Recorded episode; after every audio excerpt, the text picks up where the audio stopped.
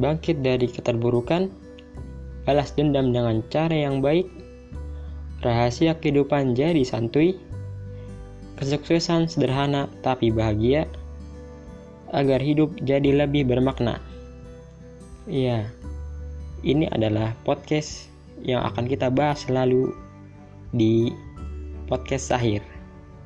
Jadi, simak terus dan pantau terus dan komentar dengan cara yang baik.